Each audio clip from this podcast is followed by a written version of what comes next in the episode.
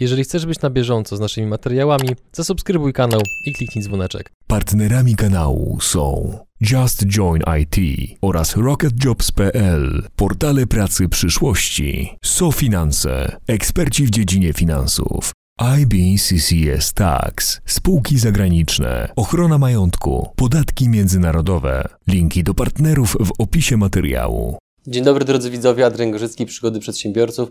Witamy Was w kolejnym odcinku serii eksperckiej poświęconej Impact Investingowi. Natomiast z racji tego, że w poprzednim odcinku nasz szanowny gość Tomasz Nietubyć, dzień dobry. Dzień dobry, witam serdecznie. Wspominał m.in. o inwestowaniu w spółki na wczesnym etapie rozwoju, czym de facto jest venture capital, to w dzisiejszym odcinku troszeczkę szerzej o tym porozmawiamy, żeby dla tych z Was, którzy z tym pojęciem się spotkali, bądź nie spotkali, a chcieliby się dowiedzieć, na czym polega inwestowanie w spółki na tak wczesnym etapie rozwoju, żebyście wiedzieli, z czym to się je. Czy jesteśmy gotowi, Tomku? Jak najbardziej jesteśmy gotowi i też myślę, że to e, będzie wartościowa taka część wiedzy, bo e, też spotykam bardzo często się z tym, że młodzi przedsiębiorcy, albo nawet nie młodzi, ale tacy w początkującej fazie, e, często mają problem z podejściem, jaki tak naprawdę ten sposób inwestowania na początkowej fazie rozwoju ma swoją charakterystykę i w jakiej mhm. funkcjonuje. Także bardzo dobrze, że możemy o tym porozmawiać.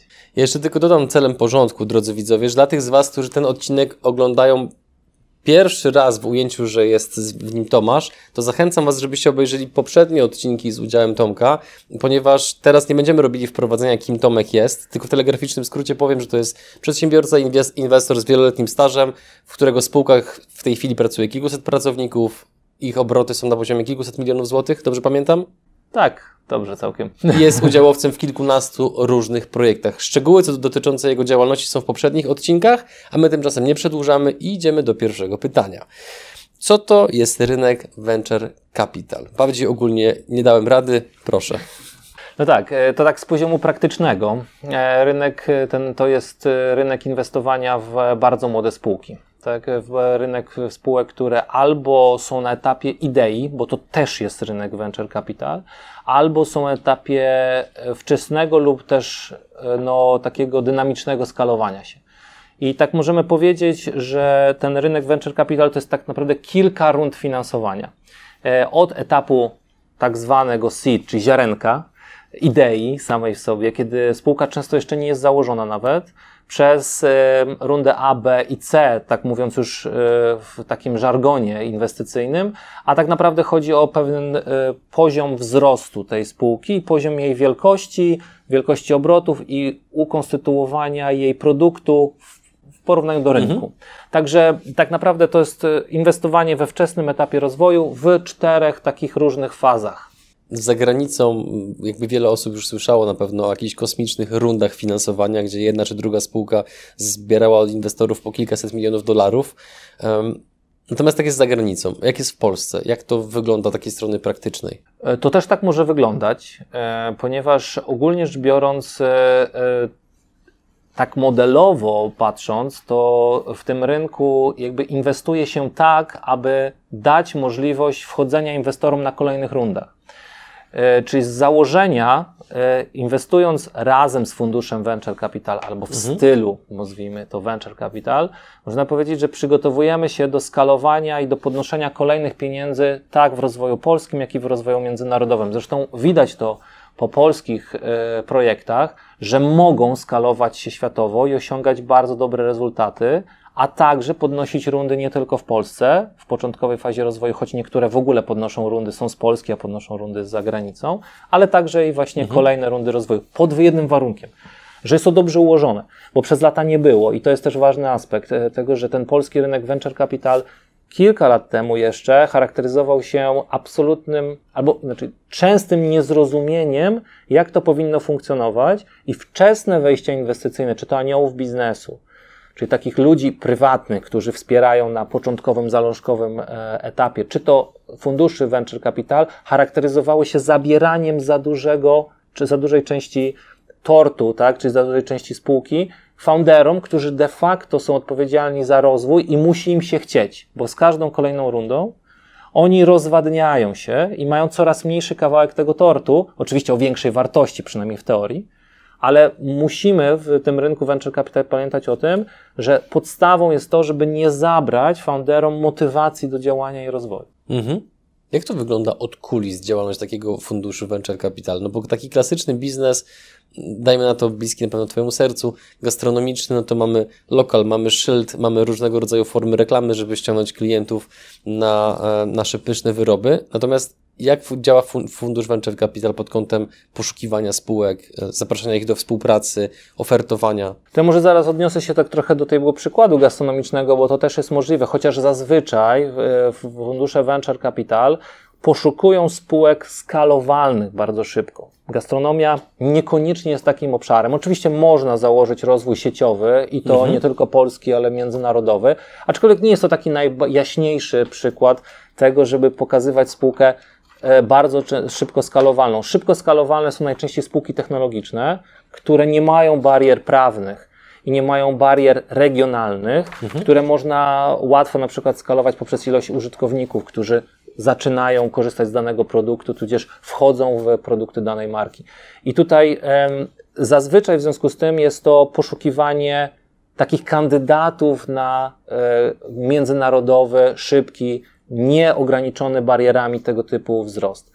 I teraz zazwyczaj to wygląda tak, że taki fundusz kilku, kilkunastoosobowy, czasem są, to zazwyczaj taki, e, taka wielkość polska.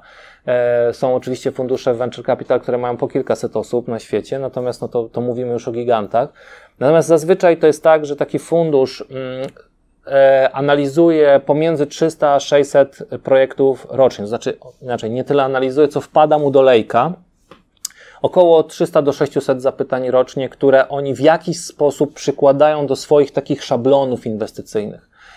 Czy spełnia parametry, choćby na przykład w zakresie branży, e, możliwości rozwoju, e, tego, czy ma odpowiednią strukturę właścicielską. To jest bardzo taki szybki pierwszy look i jeżeli to się, to się dzieje, to spełnia parametry, można iść dalej w kierunku e, oglądania tego bardziej, ale to wszystko wprowadza się do tego, że taki fundusz inwestuje dwa, czasem cztery razy w roku. To jest najczęściej, czyli ma bardzo, bardzo, bardzo dużą ilość tematów do przerobienia. Stąd tak ważne jest, aplikując do funduszu Venture Capital, żeby bardzo mocno zrozumieć jego kryteria, które są najczęściej pokazane, czy na stronie internetowej, czy to gdzieś w social mediach, które komunikują, żeby idealnie wpasowywać się w ten schemat i w ten szablon, bo jeżeli się w to nie wpasowuje, to nikt nie poświęci tam czasu na to, żeby, znaczy może nikt to za dużo powiedziane, ale bardzo rzadko zdarzy się, żeby poświęci, poświęcić czas na to, żeby zastanowić się, jak można tą spółkę, która aplikuje, do tego szablonu dostosować. Mhm.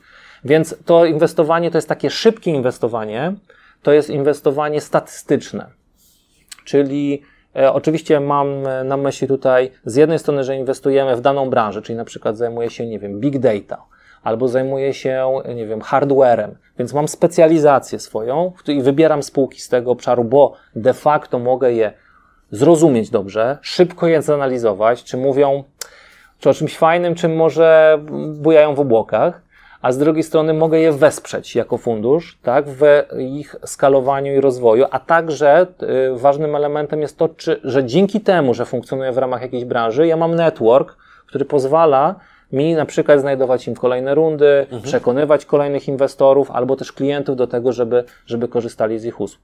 Więc statystyka jest tutaj niezwykle istotna i wpasowanie się w ten schemat, czego bardzo często nie rozumieją ci, którzy aplikują. Ja mam fajny pomysł fajny, ale A. Bardzo szybko go mogłem zwalidować, że to wcale nie pójdzie. B. Nie wpasowuje mi się w moje kryteria inwestycyjne. C. No niestety, ale e, na przykład ze względu na strukturę kapitałową jesteś sam, nie ma kilku osób, które będą zapewniał, nie ma komplementarnego teamu, albo z drugiej strony wpuściłeś sobie inwestora, który zabrał ci 70% i, i, i fundusz mówi, ale ja tam nie mam jak wejść, żeby mieć pewność, że ty będziesz miał motywację. Jak reagują ludzie, którym się mówi nie, którzy zgłaszają się do funduszu? Jak, z jakimi historiami ty miałeś styczność? A bardzo różnymi, powiem szczerze. To znaczy, to tak jak z reakcją na każde nie. Bo, bo też przyznam się, że no, founder zazwyczaj ma bardzo mocno taki ojcowsko-matczyny stosunek do swojego pomysłu. W związku z tym jest przekonany o jego słuszności. A fundusz zazwyczaj ma wiedzę dosyć szeroką o branży, w której operuje. Oczywiście nie jest omnibusem i nie wie wszystkiego, natomiast zdecydowanie może szybko zwalidować dany, dany Mhm. temat. I bardzo często spotykałem się z takimi, e, z takimi sytuacjami, w których founder mówi, ale ja mam rację. Nie masz racji. Ale ja, mam, ja, ja wam mówię, że tak to się wydarzy. No tak się nie wydarzy, bo oczywiście być może w jakiejś określonej sytuacji rynkowej, przy sprzyjających warunkach, to ma szansę zaistnieć, ale pamiętajmy o tym, że fundusz inwestuje statystycznie. Czyli musi patrzeć na to, jaka jest szansa zwrotu kapi- dla kapitału, i ten to, to inwestowanie statystyczne oznacza, że większość projektów w takim funduszu nie będzie idealnymi takimi wielkimi gwiazdami. One będą albo letnie, albo w ogóle nawet w pewnym momencie zostaną fund- przez fundusz uznane za nierokujące i zostaną zostawione. To też jest istotna, istotny element, że, że statystycznie tak właśnie zazwyczaj fundusz ma powiedzmy na 10 projektów ze 2, czasem 3, które są naprawdę bardzo silne. Dzięki tym projektom spłaca cały fundusz i inwestorów z nawiązką, a pozostałe projekty potrafią być różne, a czasem i takie, które po prostu no, umierają śmiercią naturalną.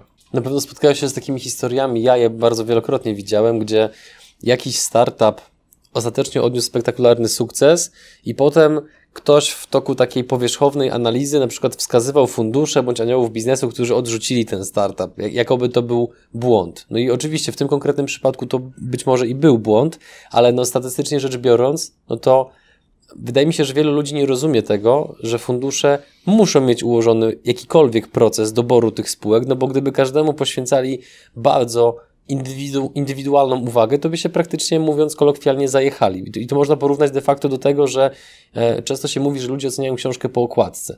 Tylko, że gdybyśmy tego nie robili, to nasze mózgi byłyby tak przeciążone informacjami na co dzień, żebyśmy nie byli w stanie funkcjonować. Wyobraźmy sobie, że idziemy ulicą i na każdego człowieka, który na pierwszy rzut oka wygląda dziwnie, mówimy sobie, prawdopodobnie ma bogate wnętrze. No, no, no tak się to nie dzieje. Natomiast co, byś powiedział takim osobom, które właśnie podają jako przykład taki startup, który mówi, o ten od- odniósł sukces, a 30 funduszy go odrzuciło. E, No i jeżeli odniósł sukces, i, a 30 funduszy go odrzuciło, to potwierdza, że tak powiem, regułę, która jest charakterystyczna dla ludzi, którzy odnoszą sukces. To znaczy, bo, bo jakby głównym elementem budujących spółki na wczesnym etapie rozwoju są ludzie. Teraz to, że ci odrzucił jakiś, jakiś fundusz, to wcale nie znaczy, że masz zły pomysł albo że nie osiągniesz sukcesu. Po prostu nie wpasowałeś się w jego kryteria inwestycyjne albo nie przekonałeś ich do siebie odpowiednio mocno. Teraz to, że, yy, to, że odniosłeś sukces, jest jednym z. Pod, to znaczy, że złamałeś jest jeden z trzech podstawowych elementów, przez które startupy upadają. Bo startupy upadają z trzech powodów. Albo nie mają miejsca na rynku, to znaczy nie ma chęci i zapotrzebowania na ich produkt, albo nie mają kasy, albo nie mają odpowiednich ludzi. To ludzi oznaczających, pozwalających im się rozwijać. Tak, w zakresie tej determinacji na początku, ale często i potem, pozwalających na trochę przekazanie władzy, ułożenie struktury, oddających część odpowiedzialności itd., itd. To są, to są fazy rozwoju, rozwoju każdej, no jakby w ten taki, nazwijmy to, modelowy o sposób rozwijającej się firmy. No i jeżeli udało ci się mimo wszystko dopiąć swego, no to znaczy, że byłeś tym odpowiednią osobą, tak, no, na odpowiednim miejscu. A, a to, że fundusz, fundusz w, w pewnych aspektów ciebie nie zauważył, czy, czy nie, nie docenił, to, to to jest wpisane w tę jego statystyczność też, tak? No, Zdarza tak się, się. zdarzy. Tak. Mhm. Dla niektórych, y, czasami na grupach facebookowych można takie dyskusje widzieć, gdzie ktoś na przykład pisze, jaki jest najlepszy sposób na pozyskanie finansowania dla firmy. Raz widziałem taką dyskusję, gdzie tam no, pytający, mówiąc delikatnie, został zbombardowany w komentarzu, bo tam pierwszym, pierwszą odpowiedzią było e, od klientów, że stamtąd powinno pochodzić finansowanie. Tak. Mhm. Ta osoba na swoje nieszczęście odniosła się do tego komentarza i napisała, ok, ale czy znacie inne sposoby? No i potem już praktycznie poszła lawina, ale dla niektórych, e, we- według takiej narracji internetowej, pozyskanie finansowania od funduszu venture capital albo anioła biznesu to jest taki troszeczkę czasami cel sam w sobie. Natomiast no, e, oboje wiemy, że, to, że venture capital jest pewnego rodzaju narzędziem po prostu pozyskania finansowania. Takich narzędzi pozyskiwania finansowania na rynku jest bardzo wiele. Więc czy mógłbyś omówić takie podstawowe różnice między venture capital, a na przykład giełdą, czy chociażby kredytem? Oczywiście, no to, to, to bardzo szeroki zakres wymieniłeś, tak, e, w porównaniu do akurat venture capital. Przede wszystkim, no, e, jeżeli by tak patrzeć, no to czy giełda, tak, e, czy też, czy też bank, no to to nie są miejsca zazwyczaj na finansowanie bardzo wczesnych faz rozwoju. To znaczy, oczywiście giełda jest bardziej predysponowana niż bank. Banki kiedyś, jeszcze 20-30 lat temu, tak? Ja nie pamiętam osobiście swoich biznesowych takich czasów, kiedy wierzyły w przedsiębiorców tak mocno, że pozwalały im się mocno rozwijać. Zazwyczaj w banku dostaje się kredyt wtedy, kiedy się udowadnia, że właściwie się go nie potrzebuje albo że E, ma się duże predyspozycje do tego, żeby samodzielnie sobie poradzić bez tego banku, no ale to już jest specyfika obecnych czasów bankowych. Natomiast giełda oczywiście potrafi wesprzeć młode spółki na wczesnym etapie rozwoju, ale e, wtedy, kiedy inwestuje, czy przekona się inwestorów do swojej strategii. No, oczywiście chwilowo, spekulacyjnie też są pewne, pewne aspekty. Natomiast venture capital to jest sposób na systematyczne yy, inwestowanie. Także dla, tak, dla kogoś, kto wiąże się z tym, e, z tym funduszem, bo fundusz z jednej strony poukłada pewne procesy albo zmusi do poukładania. Powie, dobra, jesteś w miarę przewidywalny, to co chcesz zrobić? Jak się z tego rozliczasz? Jak to raportujesz? Po, po, po, po, ja miałem takie doświadczenia, że fundusz na przykład wielokrotnie mówił mi, słuchaj, to nie koncentruj się na czterech rzeczach naraz, zrób jedną, zrób taki proof of concept, tak, że to działa. Potem pójdziemy do kolejnego, nie będziemy finansować czterech rzeczy, sfinansujemy jedną. Jak to się, może będzie wolniejszy ten Twój rozwój, ale bezpieczniejszy i przede wszystkim skoncentrowany, więc będziemy mieli większą, większe prawdopodobieństwo sukcesu. Więc venture capital to jest sposób na e, usystematyzowanie także działań wewnątrz firmy. E, I to jest, to jest ważny aspekt. E, więc po, oczywiście są inne sposoby finansowania, ale też venture capital to jest bardzo dobry sposób na to, jeżeli chce się tworzyć no, e, coś, co miałoby, mogłoby być przedmiotem jakiegoś wyceny jako unicorn, tak? Dlaczego? Dlatego, że venture capital ma z gruntu wpisane w swoją naturę wpuszczenie kolejnych inwestorów. Tak? Znaczy on tak inwestuje, albo przynajmniej powinien tak inwestować i to jest bardzo ważne, żeby też no, sprawdzić, czy ten, czy ten fundusz nie zabiera mi za dużo, żeby była przestrzeń dla te kolejne rundy. Po to, żeby mój projekt, choć już na przykład profitowy na skalę polską, ale mógł inwestować w rozwój zagraniczny i szybko zagarniał rynek, bo z takiego bieżącego rozwoju organicznego na przykład zająłby nam 10 lat i dawno by nas konkurencja wy, mhm. wyprzedziła. Też w rynku venture capital charakterystyczne jest to, że nie tak ważna jest zyskowność, a ważniejsza jest trakcja. To znaczy utrzymywanie stałego wzrostu Oczywiście ja nie chcę powiedzieć, że w rynku venture nie mhm. jest potrzebny zyskowność, bo finał finałów chodzi o to, żeby włożyć środki i je pomnożyć dla inwestorów, czyli wyjść z zyskiem z inwestycji. Ale sama ta trakcja przychodowa na wczesnych etapach rozwoju, czyli udowodnienie, że rynek Ciebie potrzebuje, to nie musisz być jeszcze najoptymalniejszy w kontekście uzyskiwanego wyniku, w kontekście działań, które podejmujesz, możesz trochę nie trafiać z różnymi formami, czy to reklamy, czy to produktu i tak dalej, ale musisz udowadniać przede wszystkim, że rośnie zapotrzebowanie na Twoją usługę i że jesteś w stanie dostarczać jej więcej i więcej. I to dla, dla Venture Capital jest potwierdzenie słuszności, i dzięki temu oni będą się starać o to, żeby Cię utrzymać, będą się starać pomóc Ci e, mhm. zrobić kolejne rundy, więc to jest, to jest jakby takie modelowe, modelowe podejście do rynku venture capital. To chyba trochę tłumaczy takie zdziwienie, które, które, z którym ja się spotkałem, rozmawiając z wieloma osobami, że jak to jest możliwe, że Uber czy Netflix przez tyle lat palą tyle pieniędzy? Mhm. To jest właśnie chyba związane z tą, z tą trakcją właśnie, o której Tak, mówiłeś. tak, tak. Właśnie to jest, to jest ten, ten model. No, ja kiedyś pracowałem e, w naszej klasie, e, to było dawno temu, nie wiem czy wielu widzów pamięta tą. Ja pamiętam. Tą, tą działalność. Y, I to było, co było ciekawe wtedy, to to, że będąc liderem na rynku polskim, nasza klasa miała 13 milionów użytkowników, jakby konkurowała z rozpychającym się tutaj na rynku e, Facebookiem. I pomimo tego, że była spółką, e, która miała zyski, która generowała pieniądze, to nie była w stanie ze względu na specyfikę udziałowców, charakter ich działalności, różne obwarowania inne, włożyć tyle pieniędzy w swój rozwój, co Facebook.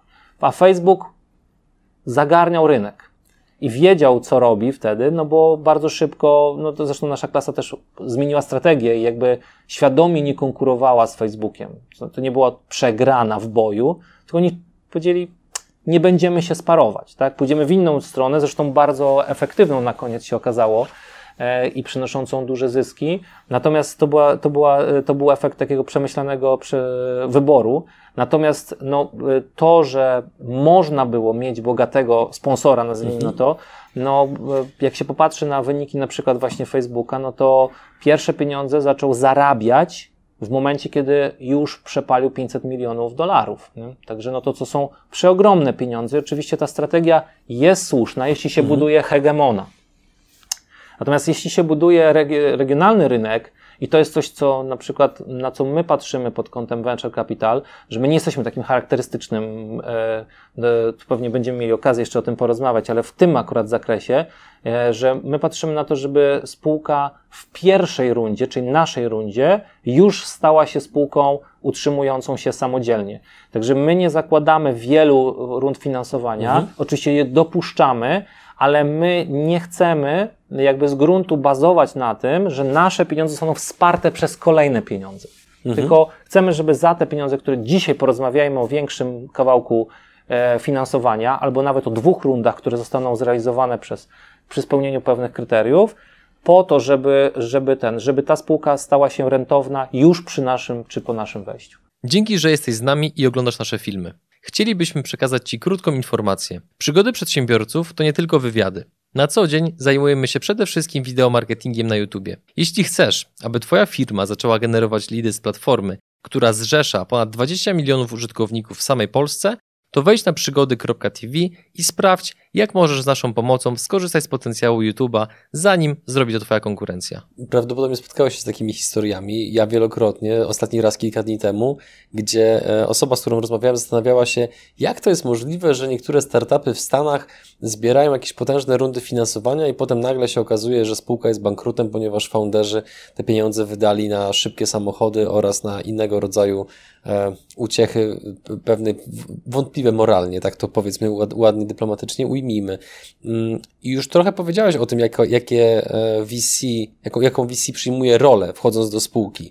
Że to nie jest tylko tak, że po prostu jest sypanie pieniędzmi i po prostu róbcie co chcecie. Natomiast czy są jeszcze jakieś inne takie obszary, których jeszcze nie powiedziałeś, a o które uważasz, że są istotne, żeby je w ogóle podkreślić i wymienić, żeby widzowie mieli możliwie jak najbardziej pełny obraz, bo zakładam, że wśród naszych widzów są na przykład teraz osoby, które stoją przed decyzją, czy mhm. wpuścić VC do swojej spółki, czy też nie wpuszczać, a jeżeli tak, to czego mogą się spodziewać? Mhm.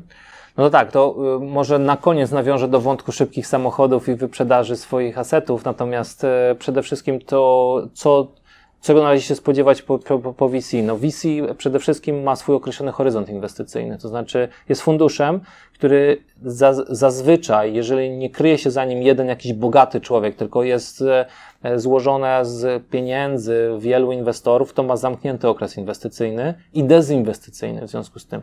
Więc będzie operować w jakimś określonym okresie czasu.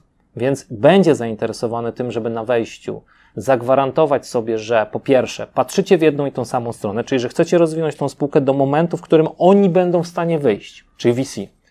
Czyli to nie jest tak, że to jest taka, taka podróż, e, mm, weźmie, weźmiemy ślub i będziemy ze sobą po wsze czasy. To jest kontrakt ograniczony mhm. z gruntu. I z gruntu nastawiony na zysk dla VC, co nie musi się wiązać z zyskiem dla e, foundera, a przede wszystkim te, te perspektywy nie muszą być zbieżne, bo founder może mówić o tym projekcie jako o swoim lifetime'owym projekcie cało, na, na, na, długie, na długie lata, a VC będzie mówić o 5-6-letnim horyzoncie, bo musi zainwestować, musi przeprowadzić tą spółkę przez pewne rzeczy, mhm. a potem musi jeszcze to sprzedać i to zyskiem się rozliczyć z inwestorami. Stąd tak powszechne są różnego rodzaju sytuacje, kiedy fundusz, kiedy się kończy, musi wyprzedawać pewne rzeczy i dąży albo zmusza wręcz spółkę, czy fundera do tego, żeby się wykeszować. I stąd jakby warto wziąć to pod uwagę i zapytać się funduszu, dobra, jaki jest wasz cel, jaka jest wasza perspektywa, jak szybko chcecie wyjść i jaki sposób chcecie wyjść, bo to może być zupełnie niezgodne z tym, co ja chcę, bo w rynku venture capital w ogóle jest e, taki, e, takie powiedzenie sell before buy. E, czyli zanim wejdę do projektu, muszę wiedzieć, kto mnie z niego wyciągnie albo komu go sprzedam. I wbrew pozorom, e, wbrew temu, co myśli wielu founderów, to nie, to nie jest na zasadzie, dobra, wejdziemy na giełdę, będzie fajnie.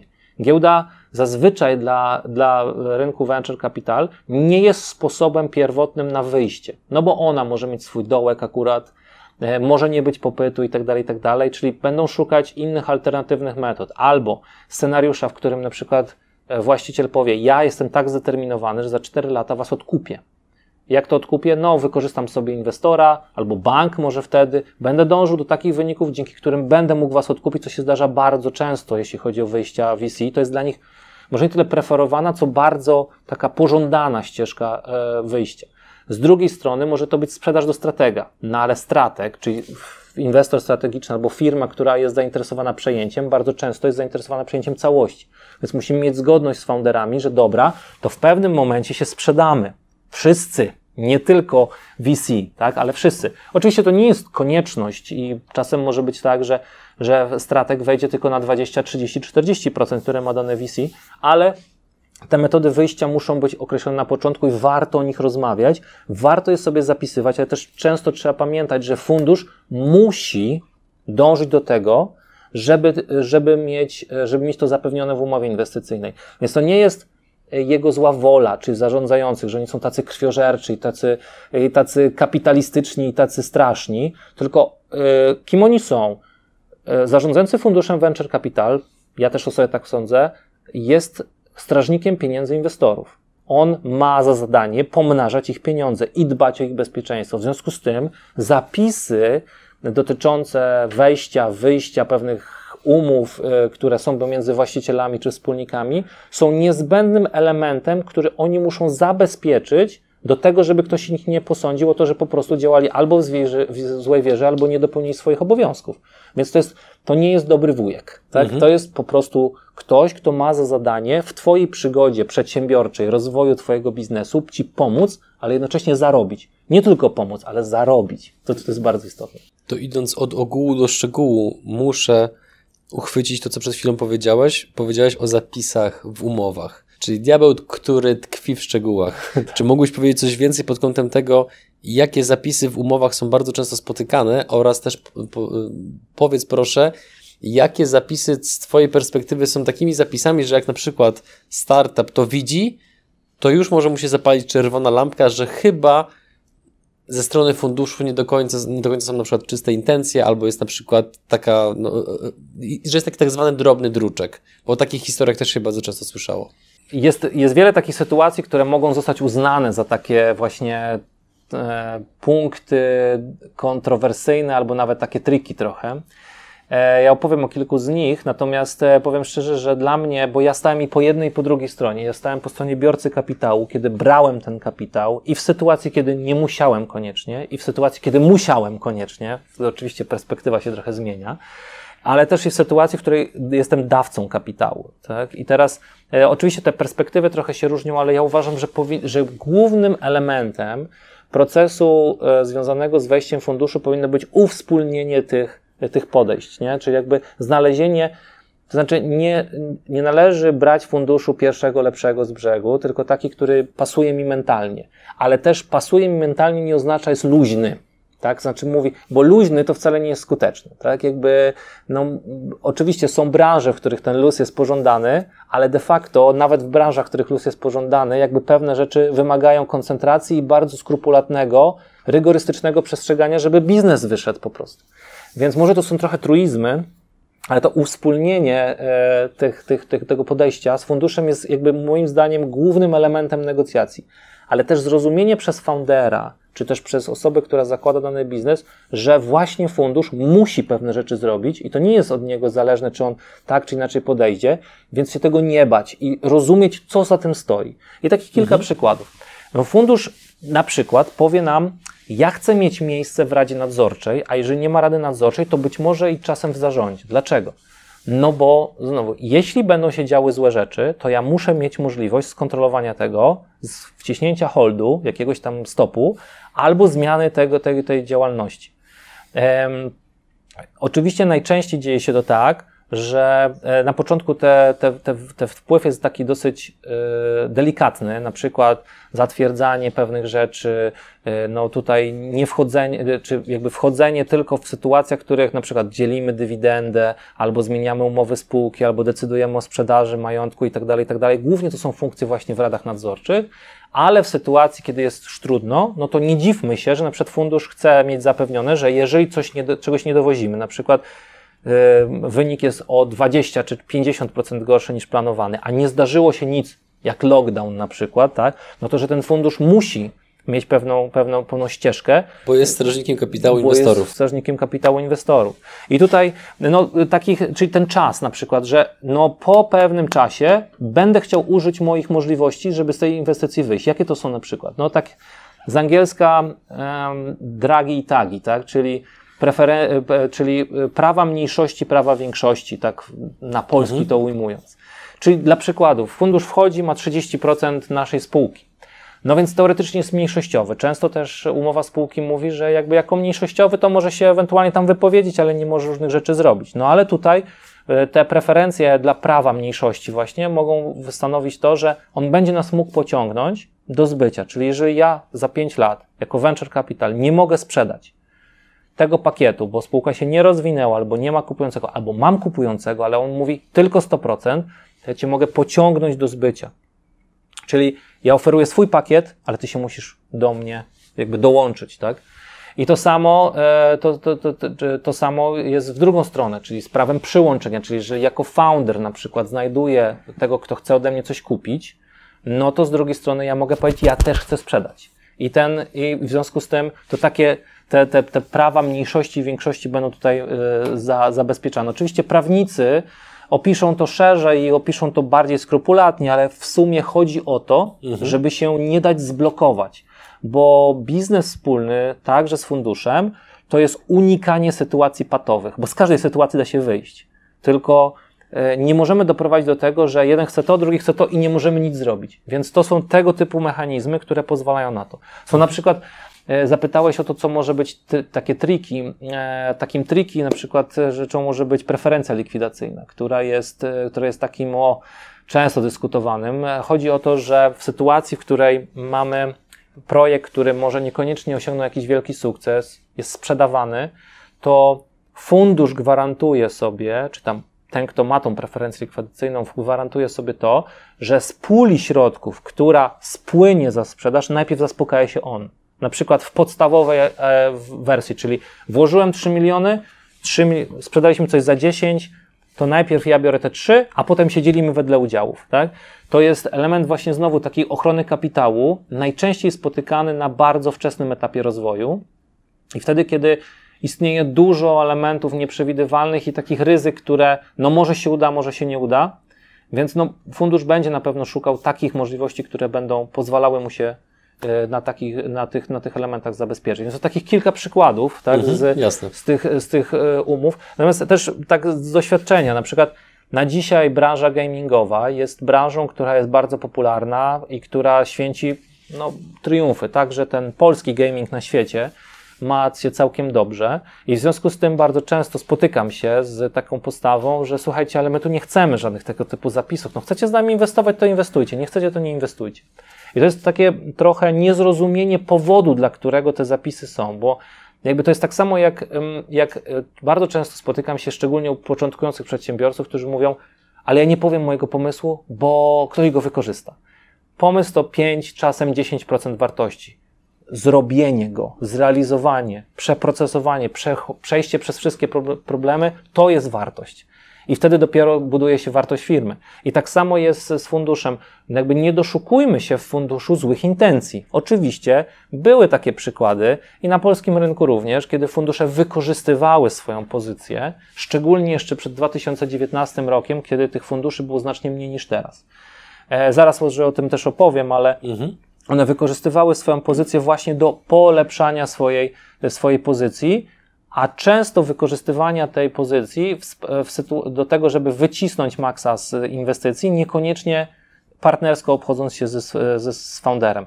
Aczkolwiek dzisiaj, kiedy tych e, inwestycji, tych funduszy inwestycyjnych jest znacznie więcej, ich inwestycji jest znacznie więcej, To jest też związane z tym, ja o tym jeszcze dzisiaj nie mówiłem, ale może warto wspomnieć, że ten polski rynek venture capital został mocno rozbudowany e, w 2018 roku decyzją, w 2019-2020 dofinansowaniem przez środki e, no, państwowe, tak? Narodowe Centrum Badań i Rozwoju, Polski Fundusz Rozwoju wpompowały do systemu, e, tworząc kilka, sto kilkadziesiąt teamów inwestycyjnych, tak? E, fundusze właśnie zalążkowe, w ramach głównie tych Bridge Alpha oraz fundusze PFR-owe, Starter, Biznes i inne tego typu mhm. projekty, które mają pieniądze na wydatkowanie i dzięki temu no, ta pula transakcji, jak mieliśmy powiedzmy w skali roku 2012-2018 około transakcji na 200 milionów złotych, 150, 200 milionów w skali całego roku, gdzie średni ticket inwestycyjny na taki startup to jest powiedzmy 2-3 miliony złotych. No więc wiadomo, ile tych mniej więcej tych inwestycji było. Tak, w 2019 roku tych inwestycji już było ponad miliard 300, a w 2020 już ponad 2,2 miliarda. No więc to, to, to, to znacznie ten rynek spuchł, więc jest więcej możliwości, dlatego wracam do tego, że warto jest znaleźć sobie fundusz, który, e, który mhm. jest e, w idei i w wartościach wyznawanych e, no, zbieżny z nami. To biorąc pod uwagę to, że tyle pieniędzy pojawiło się na rynku, to dla, Twoim zdaniem, dla kogo Fundusz Venture Capital jest odpowiednią drogą, żeby szukać tej formy finansowania? No, przede wszystkim dla tych, którzy um, nie traktują firmy jako drogi, tylko jako celu. To znaczy, oczywiście, czy jaki jest cel, to tam może być różny, ale chodzi o to, że fundusz będzie, tak jak powiedziałem, przyspieszał i dążył do maksymalizacji zysku. E, mało które fundusze mogą sobie pozwolić w ogóle na to, choć są takie na świecie, że mogą zrealizować dwie, trzy rundy i zostać z, z projektem na przykład 10 czy 15 lat. Aczkolwiek istnieją takie. Natomiast większość z nich będzie miało ten horyzont 5-6-letni i w tym horyzoncie będzie robić tak zwany push. Teraz, jeżeli nie chcemy push, to fundusz venture capital to nie jest dobry kierunek. Oczywiście, no, trud, możemy podnieść środki z crowdfundingu, na przykład, tak, jeżeli mamy społeczność, możemy szukać wśród aniołów biznesu, możemy rozwijać się organicznie, możemy, no tutaj tworzenie społeczności będzie akurat najlepszym sposobem na to, żeby bardziej celebrować drogę niż cel. Fundusz Venture Capital będzie dla tych, którzy chcą osiągnąć cel. Jak on zdefiniowany to będzie w zależności od branży, w zależności od celu danego przedsięwzięcia, ale przede wszystkim takich, którzy będą mieli mocne nastawienie na to, żeby dojść do jakiegoś punktu w określonym okresie czasu. W pewien sposób ogół już był, szczegółów też trochę było, więc teraz taki szczegół, szczegół. Jak wy to robicie i w czym jesteście inni od innych funduszy venture capital, których, jak sam powiedziałeś, w wyniku między innymi zastrzyku środków państwowych jest w tej chwili między 100 a 200, o ile dobrze zrozumiałem. Tak, tak. No, y, ja też y, nie znam dzisiaj dokładnej liczby tych teamów, bo ona się zmienia. Część mhm. tam teamów zostaje rozwiązana, jak są nowe nabory, więc, ale to jest tam powiedzmy sto kilkadziesiąt y, dzisiaj takich teamów, które zarządzają pieniędzmi pieniędzmi z różnych źródeł, także z, ze źródeł państwowych. Jak Wiesz, jeszcze, przepraszam, jeszcze jedno, jedno, pytanie dodam, bo prawdopodobnie ty tego nie poruszysz, bo jesteś zbyt kulturalnym i skromnym człowiekiem, więc ja wyręczę cię i powiem o jeszcze jednej rzeczy. Jak rozmawialiśmy, to powiedziałem ci, z czym się zresztą zgodziłeś, że problemem wielu funduszy jest to, że pieniądze są, a niekoniecznie jest wiele dobrych pomysłów na rynku. U was oprócz tego, że te pieniądze są, to również macie dostęp do dobrych pomysłów. Z tak. czego wynika ta zależność, która zakładam, że dla wielu może być wręcz trochę magiczna. I teraz możesz odpowiedzieć na całe to niezwykle złożone pytanie, za które moja nauczycielka języka polskiego pewnie by mi wstawiła lacza. Ale na szczęście już mnie nie uczy. Proszę. To proszę cię tylko przypomnij mi, czy nie pominę żadnego wątku. Proszę dobrze, przy okazji, dobrze. przy okazji odpowiedzi. Więc wracając do, może najpierw do tego, mm, czym jesteśmy inni. E, to no, przede wszystkim ten wątek impact investment, investmentowy, tak? To znaczy, że my dobieramy e, projekty patrząc tak zarówno na stopę zwrotu, jak i na to, żeby one robiły coś dobrego społecznie, tak? Czy to dla środowiska, czy to dla społeczeństwa. I to jest jeden taki wyróżnik, ale też e, tak w, już w samym ogóle działania, w, takiej, w praktyce, jest kilka znaczących różnic, e, które wynikają z mojego doświadczenia, nie tylko mojego, ale też i moich partnerów w, w tym projekcie, takiego doświadczenia biznesowego. Przykłady. E, my na przykład często inwestujemy z firmami, a nie z osobami. To znaczy, oczywiście musi być osoba za to odpowiedzialna, wyznaczona, partykularnie zainteresowana osobiście tym, żeby ten projekt się udał, ale to nie jest tak, że jak nie ma dwóch czy trzech founderów, którzy mają 80 czy 100% projektu, to my nie wejdziemy, bo bardzo mocno cenimy sobie doświadczenie na rynku. Czyli jeżeli projekt tworzy spółka, która ma doświadczenia, która pokazała trakcję, czy inwestycyjną, czy w danym obszarze, to bardzo chętnie z nią robimy tego typu rzeczy. W związku z tym również patrzymy na spin-offy. Spin-off, czyli właśnie e, biznes, który wynika z doświadczenia czyjegoś w danym rynku, na przykład recyklingowym, to jest stawiane niejako obok. No w recyklingu na przykład jest tak, że często bardzo odbiorcą są duże koncerny i te koncerny mają limity koncentracji, E, od swoich dostaw od swoich klientów. W związku z tym nie wpuszczą na przykład jednego dostawcy na więcej niż 20% swojego całościowego zapotrzebowania i wtedy taki spin-off bardzo się przydaje, bo mówisz tak, dobra, to ja wiem jak to się robi, ale muszę postawić oddzielną spółkę z innymi właścicielami, która będzie robić dokładnie to samo, co robi tamta, tylko weźmie te 20, inne 20% tortu niż ma tamta. I wtedy to przechodzi. Więc te spin-offy są E, są też niezwykle przez nas pożądane i jakby są tym, my też patrzymy na to, e, jak możemy projekt nie tylko wesprzeć, ale niestety ze względu na nasze doświadczenia, że ludzie bardzo często rezygnują ze swoich projektów, ze swoich, bo są niewystarczająco wytrwali, bo im się trochę nie chce, zmieniają się plany życiowe. Ja nie mówię, że tacy są founderzy, ale że często zdarzają się i tacy, więc my patrzymy na projekty w ten sposób, że dobieramy tylko i wyłącznie te, w których mamy doświadczenia, dlatego, żeby w razie czego móc móc e, przejąć ten, ten projekt w zarządzanie chwilowe albo w docelowe, żeby móc go poprowadzić i wyprowadzić dla dobra inwestorów albo znaleźć po prostu zarządzającego dla nich. Ostatnio nawet zdarzyło się tak nam w branży akurat tej alkoholowej, bo to nie w tym, nie w tym, nie w tym biznesie, nie w tym funduszu, ale miałem taką sytuację, że z inicjalnych founderów e, po trzech latach nie został nikt no i spółka jakoś musi działać, tak? I jakby te pieniądze, które zainwestowali inwestorzy, których wprowadziliśmy do tego projektu, nie tylko nasze, no ale nie tylko nie powinny zostać stracone, ale powinny zapracować, no więc nie ma wyjścia innego, trzeba, mhm. trzeba to zrobić w ten sposób. Każda firma ma jakąś określoną strategię działania, wobec której jest przekonana, że jest lepsza, skuteczniejsza, bardziej słuszna względem konkurencji. Więc odnosząc to do, do Waszej sytuacji, hmm, dlaczego, czy inaczej, zakładam, że tak uważasz, ale dlaczego uważasz, że wasza strategia inwestycyjna jest bardziej słuszna od tego, co na przykład robią inne fundusze inwestycyjne? Dlaczego jesteś, w czym jesteście lepsi? Znaczy, ja mam, ja jestem wychowany w ogóle w kulturze długu i przyjmowania pieniędzy na zasadzie trochę powierniczej, na mhm. zasadzie masz, masz i nie strać. W związku z tym dla nas mi jest trudno przyjąć, że będziemy działać przez statystykę, to znaczy, że część projektów się uda, część się nie uda. Oczywiście w dywersyfikacji portfela to na końcu może dla inwestora nie być problematyczne, ale jakby ze względu na to, że walczyłem zawsze o każdy projekt, no to e, ja wolę wybrać projekt, w którym mamy doświadczenie, w projekt, w którym pivot e, będzie nie, niczym złym, biznesowy nawet pivot, a także ze względu na to, że jakby oportunizm w realizacji zysków dla naszych inwestorów jest dla nas bardzo istotny. Ja wolę, szczerze powiedziawszy, mieć na każdym projekcie razy dwa, razy trzy, razy cztery pieniądze albo na większości, aniżeli na jednym 10 razy pieniądze, na drugim tak zwany home run. To też taka, taki żargon, żargon inwestycyjny w rynku mhm. venture capital, czyli pomnożenie wyłożonego kapitału razy 10. Nie wiem, czy w ogóle wiesz e, skąd nazwa home run.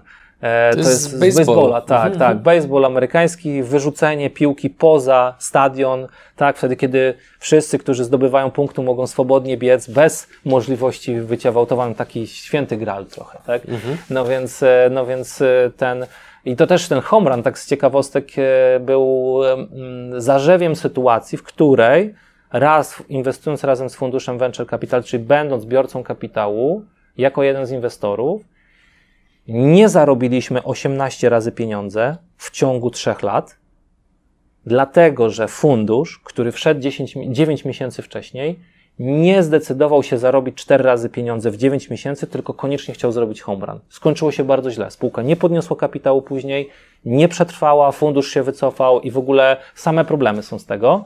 Natomiast to tak trochę pokazuje, jakby, że też, że ta zbieżność tych e, sposobów i no, wtedy nie mieliśmy jeszcze doświadczenia, żeby to zapisać na przykład, że w sytuacji, w której jest jakiś poziom realizacji planu, i pomnażania pieniędzy wszyscy się muszą zgodzić. Właśnie to, żeby ta preferencja mhm. e, likwidacyjna była, czy tam nie preferencja likwidacyjna, tylko ten, e, ten, e, ten, ten, ta możliwość pociągnięcia do zbycia była w każdą stronę. I to mhm. takie doświadczenia właśnie, które, które potem, potem procentują. Więc dlatego Ciekawe, uważam... co a propos tamtej sytuacji powiedziałby Gordon Gecko, którego nadrzędnym stwierdzeniem było greed is good. E, Okej, okay, no e, więc w moim przekonaniu w, i w tej sytuacji greed to jest e, wziąć cztery razy pieniądze w ciągu dziewięciu miesięcy i zainwestować inwestować je dalej.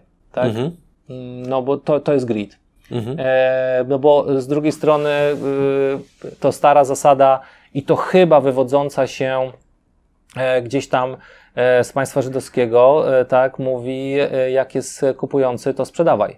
Tak, no więc był kupujący, nie sprzedaliśmy, tak, a była to spółka giełdowa, mhm. która złożyła konkretną propozycję, miała wtedy środki, dopiero co podniosła rundę na finansowanie właśnie przejęć akwizycji.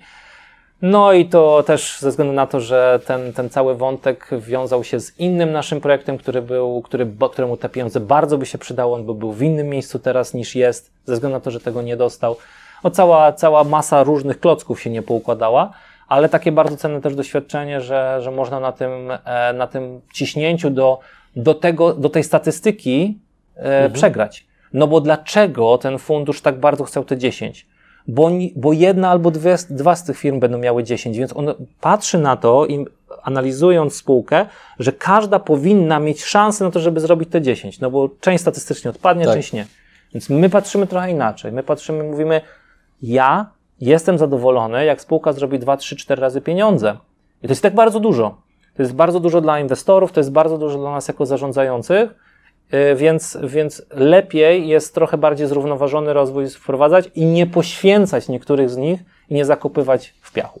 Czy jakieś słowo na zakończenie do naszych widzów? E, no ja może trochę się będę powtarzał, ale możemy z tego zrobić motyw serii eksperckiej. Zapraszam, do, zapraszam do inwestowania, które jednocześnie pomnaża pieniądze, a z drugiej strony robi coś dobrego społecznie.